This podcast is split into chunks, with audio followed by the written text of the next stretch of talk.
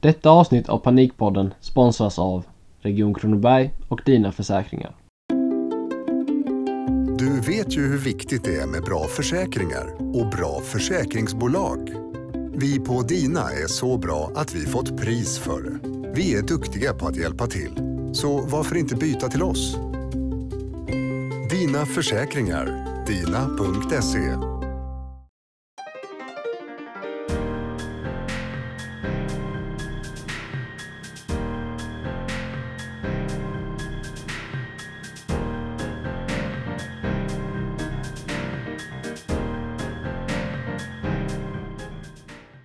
och välkomna till tredje avsnitt av eh, Pan- Panikpodden. Där jag tillsammans Kristoffer med Elias Nilsson. Eh, idag sitter jag här med Erik Grönberg. Och idag tänker jag diskutera psykisk ohälsa utifrån Eriks perspektiv frams- framför allt. Då. Så välkommen Erik. Tack så jättemycket och tack för att jag får, får vara med. Tack själv. Eh, Men för att få veta vem du är lite mer, om dig som person och lite så, så tänker vi vi börjar med faktaruta. Så vi kan börja fullständiga namn. För, mellan, efternamn. Ja. Erik Håkan Fredrik Grönberg. Eh, Födelsedag? 19 december 1987. Yes. Eh, om du vill berätta lite om din eh, familj? Namn på mamma, pappa, syskon och så vidare. Ja, mamma Linda, pappa Jan, eh, Mm. lilla syster Karin och eh, fästmö Lisa. Yes. Du idag jobbar ju lite med mycket med sexuella övergrepp på barn främst och så vidare. Ja, Hur ser din karriär ut nu? Eh, vägen dit? Har du haft andra jobb eller vad? Hur skulle du se på din karriär? jag skulle nog se eh, karriär kanske, kanske ta i, men jag eh, har jobbat med välgörenhet hela mitt liv i stort sett. Så att jag började redan som 13-åring att eh, jobba för att samla in pengar till hjälporganisationer. Och då spelade jag teater och eh, vi hade en liten teatergrupp som satte upp föreställningar där alla intäkter gick till olika internationella hjälpprojekt. Eh, och sedan så övergick jag från, från internationella hjälporganisationer till att hjälpa hemlösa i min hemstad. Eh, så att det har alltid varit någonting jag brunnit för. Sen har jag jobbat oftast på olika former av större jobb för att kunna göra det, göra det, det jag brinner för, det vill säga så göra skillnad och göra världen till en bättre plats för, för all, allesammans. Då. Utbildning? Och så har du gått gymnasiet eller? Ja, jag gymnas- ja, precis. Att jag gick ett program som heter, heter Europaprogrammet. Jag tror inte det finns kvar i Västerås, men mycket språk och eh, mycket om natur och hur man bäst liksom man bäst har kontakt med övriga Europa. Så det var ju väldigt in- inriktat på, på EU eh, på sin tid. Då. Eh, sen har jag studerat på både högskola och universitet då, olika, olika ämnen. Om, om vi tar utanför karriär eller jobb då eh, och utbildning. Vad har du för andra intressen som du känner så att du brinner för eller gillar att göra på fritiden? Jag är väldigt intresserad av sport Mm. eh, och har många vänner som spelar både fotboll och hockey.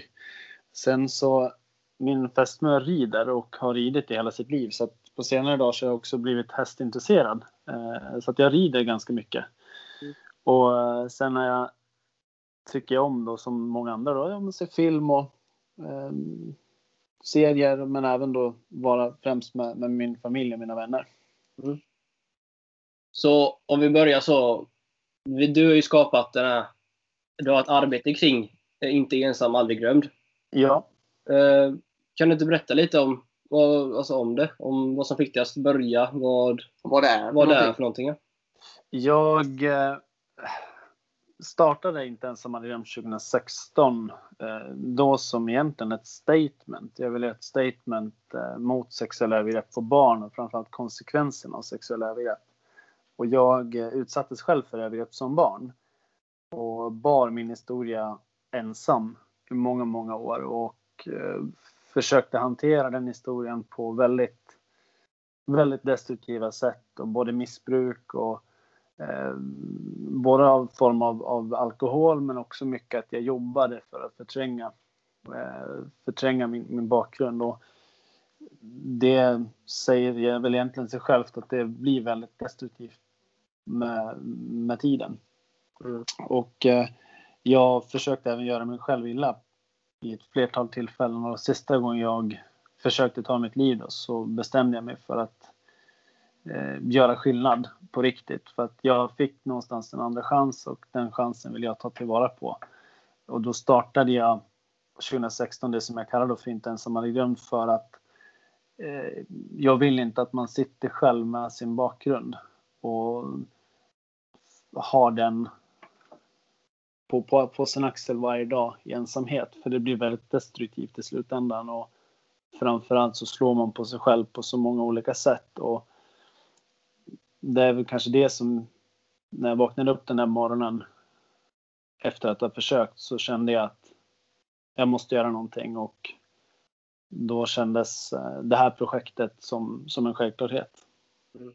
Ja, det känns väldigt coolt att det, det har varit väldigt många, många idrottsstjärnor som liksom sprider ett budskap. Det är väldigt coolt att det blir, det blir något fint av det. Liksom. Att ja, få stor eh, efterföljande. Ja, verkligen. Och sen, det är det jag brukar säga, liksom, att det, det är verkligen tillsammans man gör skillnad och det är tillsammans vi kan förändra. Och det är, jag är så tacksam för alla ska jag säga, som, som på olika sätt ställer sig bakom projektet. För att jag brukar säga att bakom varje selfie så finns det en, en historia. Och bakom varje person så finns det flera personer som, som har varit utsatt för olika saker och eh, har problema, problematik med psykisk ohälsa som oftast är en, eh, en av många, många konsekvenser av, av eh, sexuella övergrepp. Ja. ja, riktigt eh, häftig resa du gjort där med, med hur du fick igång, alltså vad, vad kan man kalla det, kampanj och inte ens som aldrig glömt. Ja, det, ja. Det, det, kan man absolut, absolut kalla det. Uh, och det. Där känner jag en enorm tacksamhet att så många vill vara med och lyfta problemet. Att, ja, att jag får här och prata med er idag och att ni vill belysa problemet. För att det är precis det som krävs. För att så länge man är tyst om det så, så orsakar man väldigt stor skada. Eh, framförallt omgivningen till de som varit utsatta har ju en enorm möjlighet att hjälpa istället för hjälpa i hur de agerar. Eh, om de får veta då att en person har varit utsatt eller är utsatt. Mm. Ja, men eh, och du skriver ju på din hemsida att vändningen för dig var när du läste Patrik Sjöbergs bok Det du inte såg. En bok om hans historia då. Ja. Eh, hur viktigt tror du att det är att veta att man inte är ensam? Eller att man, eller när man är eller har blivit utsatt för sexuella övergrepp? Jag tror att det är jätteviktigt. Eh, och jag själv kände någonstans, jag köpte Patriks bok när den kom ut 2011 men det dröjde ganska länge innan jag valde att läsa den. Den låg länge på nattduksbordet för att jag var så rädd vad den skulle göra med min, med min historia och med min bakgrund och det jag hade jobbat så länge på att förtränga. Eh, men just att veta att man inte är själv. Det gör att man är man är ett team någonstans. Man är, man är flera. Och jag märkte det. Jag gjorde en, en helg för utsatta i april i början av i april förra året och eh, då hade jag utsatta tillsammans med anhöriga som fick komma då till en herrgård som jag hade abonnerat för tanken var dels att de skulle bli bjudna på det, de skulle inte behöva betala. För det är det som jag tycker är så viktigt att man, man, ska, man ska känna sig sedd, man ska känna sig hörd och framförallt ska man få en, en eh, som i det här fallet då, att, att man får komma till en plats och bara bli bostad i den situation man befinner sig i. Och det som jag fick med mig därifrån av deltagarna var att det var så skönt att de inte var själva. Eh, de har kontakten idag via en Facebookgrupp och skriver till varandra och peppar varandra. Och lite grann är det det som jag kände med Inte ensam hade glömt att kan jag orsaka den effekten som Patrik gav till mig. Att Patrik ställer sig på min sida och Patrik som i sig är en fantastisk person och en legend på många sätt. Han räddar ju också liv i det han gör. Och eh, på så vis så kan vi tillsammans hjälpas åt genom Inte ensam aldrig glömt att just lyfta problemet och att man som vän, familjemedlem eller förebild tar ställning mot, mot sexuella övergrepp. Ja, men du märker, märker du att eh, du har gjort skillnad? Alltså det, du pratade om dem, eh, den helgen när du hade hjälpt dem där, men kommer, kommer folk fram till dig och berättar om sina historier och alltså, litar på dig med det?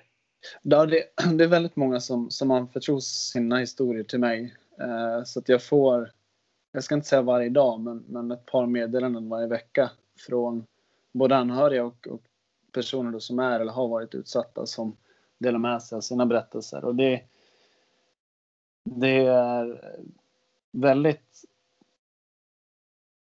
rörande någonstans att, att man får det förtroendet. Men det är också ett tecken på hur vi gemensamt kan åstadkomma någonting fantastiskt. För det är så jag ser inte ensam hade glömt Att även om jag startade Inte ensam hade glömt så är det vi tillsammans som har gjort den här skillnaden. Eh, det är alla som på olika sätt har stöttat Inte ensam hade glömt eller bär den tröja som har tagits fram eller på andra sätt uppmärksammar projektet. Det är liksom vi tillsammans som har åstadkommit den här skillnaden. Och det är det som jag tycker är så fint att man ska aldrig underskatta den gemensamma kraften i, i människor. Mm. Ja, riktigt fint gjort och det är så viktigt är det. Mm, att, att, att, att, eh, att, man inte är, alltså man ska inte vara ensam. Allting blir alltså, värre, tyngre om man bär det utan att berätta för någon. Verkligen, verkligen. Det är så många som också känner sig ensamma på, på många olika sätt. Alltså du pratar om ditt, det är väldigt extremt. Men liksom att alla kan känna sig liksom att tillsammans liksom skapa något. Ja, precis, precis. Och där, det tror jag är förenligt med all psykisk ohälsa. Eh, att just den här ensamma känslan, att oavsett vad den psykiska ohälsan beror av eller kommer ifrån så, så finns den alltid där och den gör att man känner sig oftast, i varje fall jag har gjort det många gånger, väldigt ensam. Eh, så att eh, därför tror, tror, jag att det är enormt viktigt att, att prata om det, lyfta, lyfta upp det och framförallt att, att omgivningen pratar om det. Att man i samhället belyser eh, de olika problem som kommer med psykisk ohälsa. Patrik Sjöberg har ju, som du säger, varit en väldigt stor förebild för dig. Men har det funnits, finns det flera personer som du ser upp till eller har som förebilder så personligen? Ja, det finns, det är ju många fantastiska människor som, som finns och som på olika sätt inspirerar, tycker jag. Eh, Patrik Sjöberg är en, en, person som har inspirerat mig enormt mycket, men framförallt så brukar jag säga att han, han räddade mig. Eh, sen eh, är jag kollega med Elaine Eksvärd, också en helt fantastisk person som också delar min, min bakgrund, eller vår bakgrund för jag säger det, både Patriks och min. Eh, så att de två har jag ju sett upp till enormt mycket. Sen har jag ju funnit mycket kraft i, i musik exempelvis. Att jag har flera sådana musikförebilder som, som har betytt mycket. Men idag så den som inspirerar mig mest idag, det skulle jag nog säga är, är min sambo. För eh, det man ska tillägga när man kommer från en sån bakgrund som jag gör, det är att just när det kommer till relationer är, har varit väldigt svårt. Och eh, jag har haft jättesvårt att, att lita på på, på personer överlag. Det har jag än idag. Det, det, är svårt. Det är väldigt, väldigt svårt. För att ser man till hur det kan fungera i en övergreppssituation som jag var med om så oftast så blir du manipulerad från väldigt tidig ålder att du ska lita på en person och en person som är väldigt snäll som sedan vänder detta till någonting väldigt, väldigt hemskt. Och det gör att eh, så fort någon har varit snäll mot mig tidigare så har jag känt att oj, vad kommer nu? Vad kommer komma nu? För att den här personen kan inte vara snäll bara för att vara snäll utan jag kommer få vara med om något hemskt. Men Lisa då som är sambo heter har eh, hon har varit fantastisk och är, och är fantastisk och någonstans tar fram en, en vardag som jag aldrig trodde jag skulle få vara med om. Och det är väldigt inspirerande att, att någonstans ha fått finna ro i, i livet. Och det, det, är verkligen, det är jag verkligen tacksam för. Ja, det är riktigt fint att höra och jag tror att, att eh, som du säger, det att du har funnit ro där och att, eh, att det är många som kanske tror att de inte kommer finna ro. Men alltså, det, det kommer ju alltid kunna bli bättre. Det är aldrig Absolut. återvändsgräns om man säger så. Precis. Och det har du bevisat också. Liksom. Så det är väldigt... Eh, men om vi går vidare. Uh, vi pratade om det lite, att det finns ju såklart en koppling mellan sexuella övergrepp och psykisk ohälsa. Eller sexuella övergrepp leder till psykisk ohälsa, mycket ensamhet och så. Precis. Om du skulle säga, eller vad, vad tycker du är de viktigaste tipsen som du har? Uh, för de som gått igenom liknande situationer som dig, eller vad allmän psykisk ohälsa? Jag, liksom, ja, bra tips. jag tror det, där som om man tänker när jag, när jag föreläser så brukar folk fråga mig att vad är tecken på sexuella övergrepp? Mm. Och då brukar jag lista vissa, vissa punkter som kan vara, jag säger kan då, för det, inte, det behöver inte vara att personen får är utsatt, men när man då drar paralleller mellan det och psykisk ohälsa så är det väldigt uppenbart att psykisk ohälsa är oftast etiketten på mycket trauman. Och det kan vara allt ifrån att man har en, en problematisk relation till sina föräldrar, det är missbruk i, i familjen eller att man då har varit utsatt för övergrepp. Och där tror jag att som omgivning, om man ger ett tips till omgivningen, det är att man verkligen tar den psykiska ohälsan på allvar. Mm. Och att man som medmänniska vågar lyssna. För jag brukar säga det att när någon säger det absolut värsta tänkbara till dig, Eh, så våga lyssna för att den personen som säger det här har säkert gått runt och funderat väldigt länge på ska jag säga någonting? Hur ska jag säga det? Vem kan jag säga det till? Och hur kommer det tas emot? Um, och där tror jag just som medmänniska eller den personen som får höra en berättelse oavsett vad den handlar om. Om den handlar om ätstörningar, om den handlar om övergrepp eller om det handlar om något annat som är väldigt, väldigt jobbigt för personen som berättar så våga lyssna. Men det jag brukar försöka tänka själv och när man ser till det egna jaget, alltså vad kan jag göra själv med min bakgrund för mig själv? För det är lite så man får vända sig till sig själv också. Vad kan jag göra om jag har varit utsatt? Hur kan jag gå vidare? Och det är att jag är inte min historia. Jag... Eh, det har hänt. Det, det kan jag inte förändra, men jag kan välja hur jag lever mitt liv från och med nu. Och det tror jag är viktigt att poängtera att vad som än händer så finns det alltid en möjlighet att börja om. Och det finns också en möjlighet att själv avgöra hur, hur jag i fortsättningen ska leva mitt liv. Och att man också väljer sin omgivning.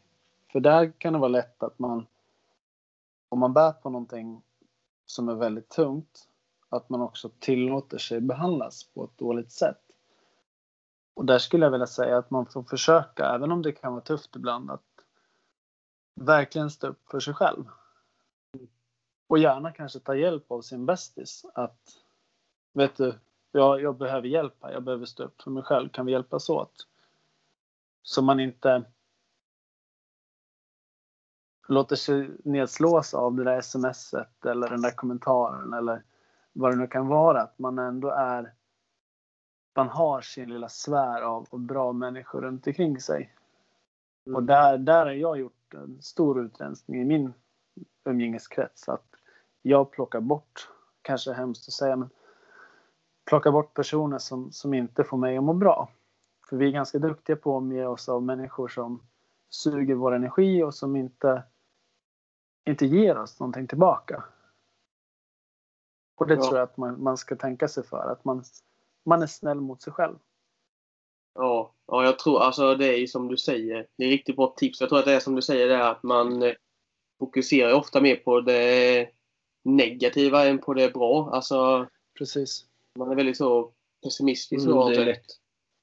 Det är ofta man säger så också att man behöver för varje negativ grej så behöver du höra fem positiva till. Liksom. Det blir, Precis. när det kommer så mycket negativt så det tar ju över. Så jävla lätt. Precis. Det blir ju så. Eh, Verkligen. hur ser du på, hur, hur ser sexuella övergrepp ut idag? Ser, tycker du? Eh, eller som du, din, vad kan man säga, eh, det du vet? Din uppfattning. Det jag, det jag upplever det är att exempelvis som när jag utsattes själv och tiden därefter så pratade man exempelvis inte om sexuella övergrepp framförallt inte sexuella övergrepp mot killar. Eh, och därför blev ju Patrik Sjöbergs bok jätteviktig för mig och många andra. För någonstans så blev det en, en, upp, en upprättelse att han pratade om sin bakgrund som många av oss delade men som samhället valde att inte se. Och jag tror idag så kan man uppleva att eh, det många övergrepp som äger rum. Men jag tror alltid att det har varit många övergrepp som äger rum. Men jag tror att man kanske pratar om det på ett helt annat sätt idag. Vilket gör att samhället, tack och lov, och även rättsväsendet, för att säga, tar det på allvar. Att det här är ett jättestort problem. Ja, det kom in någon... Eh, vad, vad, vad, en lagen som kom in för förra sommaren, va? Precis, precis. Mm. Och det är ju ett jättestort steg Mm.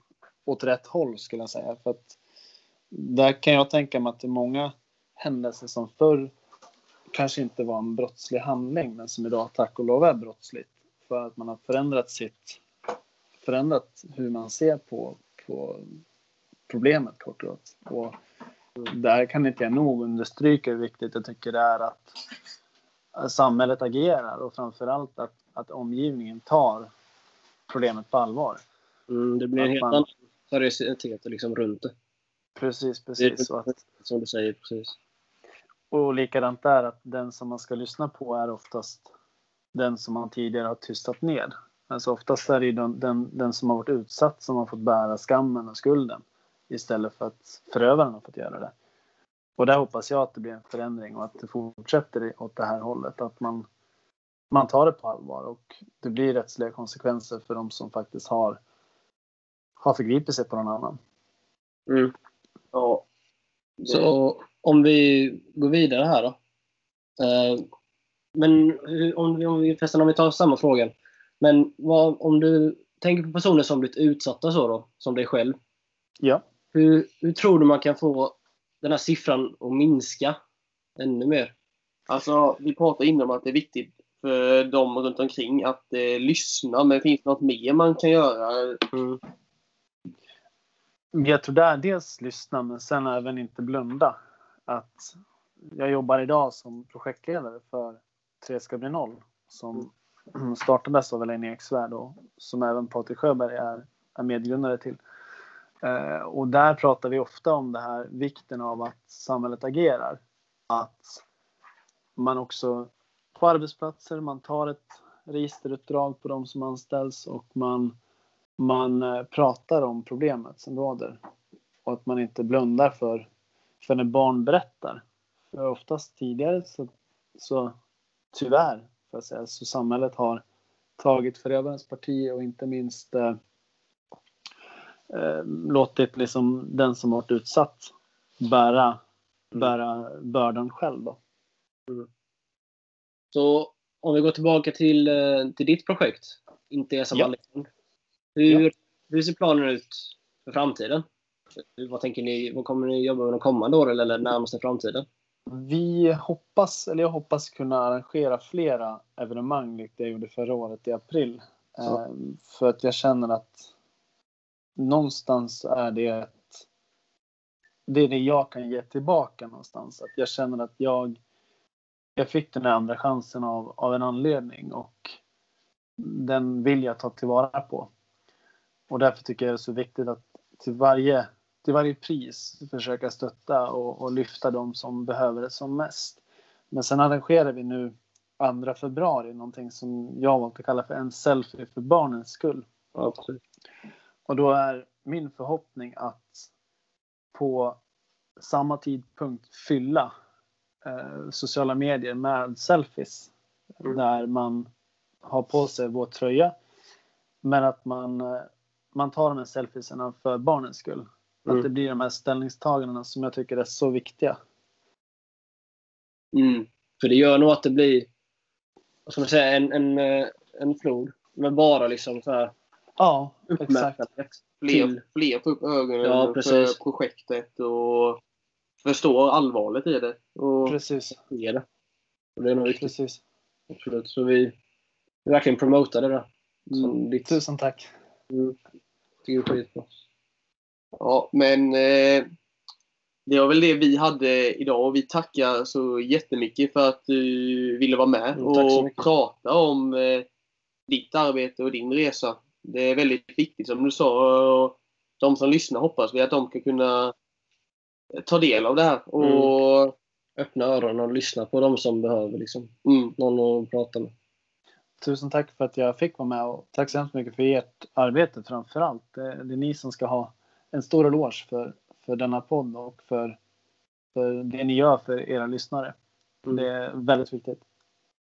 Så, ja. Men då Då- avslutar vi här. yes. Absolut. Tack för lyssnat och tack till Erik en gång till. Tack så, tack så mycket. Hej då. Du vet ju hur viktigt det är med bra försäkringar och bra försäkringsbolag. Vi på Dina är så bra att vi fått pris för det. Vi är duktiga på att hjälpa till. Så varför inte byta till oss? Dina försäkringar. Dina.se